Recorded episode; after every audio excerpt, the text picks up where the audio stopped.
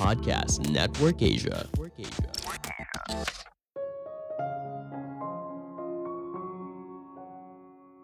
Manusia memiliki dua telinga dan satu mulut, artinya kita harus mendengar dua kali lebih banyak daripada berbicara. Halo semuanya, nama saya Michael. Selamat datang di podcast saya, Sikutu Buku. Kali ini saya akan membahas rahasia orang sukses yaitu mendengarkan secara tulus. Ini adalah rangkuman dari TED Talk yang dibawakan oleh William Ury, seorang negosiator yang handal. Apa keahlian terbaik seorang negosiator yang ulung? Banyak orang menganggap negosiator adalah seorang yang pandai berbicara. Pernyataan ini tidak sepenuhnya tepat. Seorang negosiator yang hebat ternyata merupakan pendengar yang ulung. Dia bersedia mendengarkan orang lain secara mendalam, baik yang terucap maupun yang tidak terucap. Inilah sesungguhnya kehebatan seorang negosiator. Sebelum kita mulai, buat kalian yang mau support podcast ini agar terus berkarya, caranya gampang banget. Kalian cukup klik follow Dukungan kalian membantu banget supaya kita bisa rutin posting dan bersama-sama belajar di podcast ini.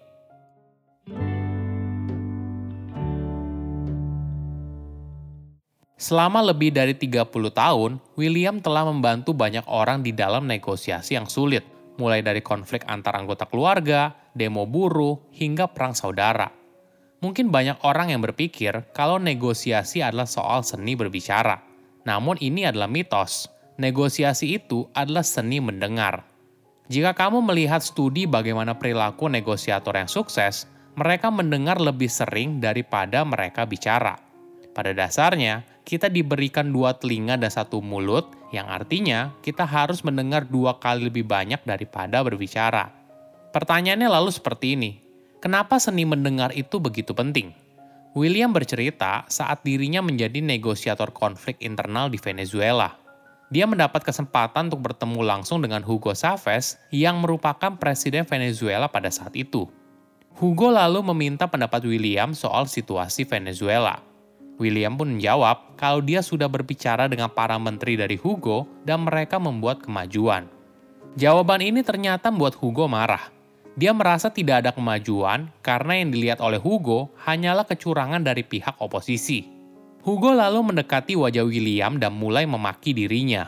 Saat itu, William punya dua pilihan, membalas makian Hugo atau diam mendengarkan saja. Namun dia berpikir, apa untungnya berdebat dengan Presiden Venezuela? Jadi William hanya diam dan mendengarkan ocehan Hugo dengan seksama. Setelah 30 menit hanya mengangguk dan mendengarkan, kemarahan Hugo lalu berkurang dan dirinya lalu bertanya kepada William, "Jadi, apa yang harus saya lakukan?" Di situ momen yang harus dimanfaatkan oleh William sebaik mungkin. Itu adalah tanda seorang bersedia mendengar. Kesempatan itu lalu dipakai oleh William untuk memberikan masukan, agar Hugo mengusulkan gencatan senjata dengan pihak oposisi agar mereka semua bisa menikmati libur Natal dan Tahun Baru dengan tenang. Hugo pun langsung senang dan berjanji akan mengumumkan hal tersebut di pidato berikutnya. Inilah kehebatan dari mendengar. Semua hal ini bisa terjadi karena William mendengarkan Hugo dulu. Barulah Hugo mendengar apa yang dikatakan oleh William. Ada tiga alasan kenapa mendengarkan sangat penting. Pertama, mendengarkan membantu kita memahami pihak lain. Dalam negosiasi, kita pasti berusaha untuk mengaruhi orang lain Bagaimana kita bisa mengubah pemikiran mereka apabila kita tidak mengetahui apa yang mereka pikirkan? Itulah sebabnya mendengarkan sangat penting. Kedua, mendengarkan membantu kita terhubung dengan orang lain. Mendengarkan membantu untuk menciptakan rasa percaya. Dengan mendengarkan, ini adalah bentuk kalau kita peduli dengan apa yang lawan bicara katakan. Karena pada dasarnya, setiap orang ingin didengarkan. Ketiga, mendengarkan bisa membuat orang lain berbalik mendengarkan apa yang kita katakan. Ini yang terjadi ketika William berbicara dengan Hugo dan pada akhirnya mereka bisa mencapai kata sepakat. Dalam negosiasi, mendengarkan adalah kunci untuk membuka hubungan antar manusia.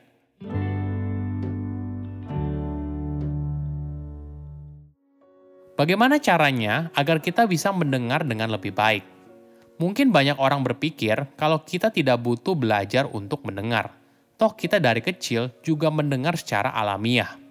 Namun faktanya, tidak banyak yang bisa mendengar orang lain dengan tulus. Kebanyakan orang ketika mendengar, mereka langsung berpikir, setuju atau tidak, apa yang harus saya katakan. Dengan kata lain, fokusnya ada pada diri kita. Sedangkan ketika kamu mendengar dengan tulus, fokusnya pada orang lain. Kita berusaha memahami orang lain, apa perasaan mereka, apa yang sebenarnya mereka inginkan. Ibaratnya, kita mendengarkan dengan kacamata orang lain. Ini tentu saja tidak mudah, apalagi kamu tidak hanya mendengarkan apa yang terucap, namun kamu juga harus memperhatikan apa yang tidak terucap, misalnya bahasa tubuh dan sebagainya. Kita tidak hanya mendengarkan kalimat yang diutarakan, tapi emosi di baliknya. Apa yang sebenarnya diinginkan oleh orang lain. William memberikan contoh yang menarik. Suatu hari, dia diminta untuk menjadi negosiator dari sengketa usaha antar seorang pengusaha sukses asal Brazil bernama Abilio Dines dan rekam bisnisnya dari Perancis. Sengketa ini telah berjalan selama dua tahun setengah dan sangat melelahkan. William lalu mencari tahu apa yang sebenarnya dicari oleh kliennya dari negosiasi tersebut. Abilio lalu bercerita tentang dirinya ingin kantor utama perusahaan tersebut, ingin ini, ingin itu, dan daftar panjang lainnya. William lalu mendengar semua permintaan dari kliennya, lalu bertanya lagi, "Kamu sepertinya merupakan orang yang memiliki segalanya. Apa yang kamu inginkan dari sengketa ini?" Kliennya lalu diam sejenak dan berpikir. Dia lalu menjawab kalau sebenarnya dia ingin kebebasan.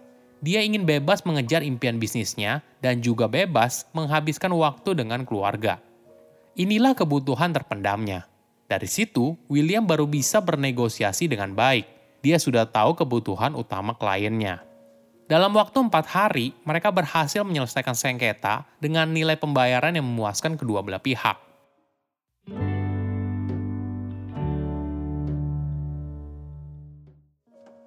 Walaupun mendengarkan itu banyak manfaat, kenapa semua orang tidak melakukannya?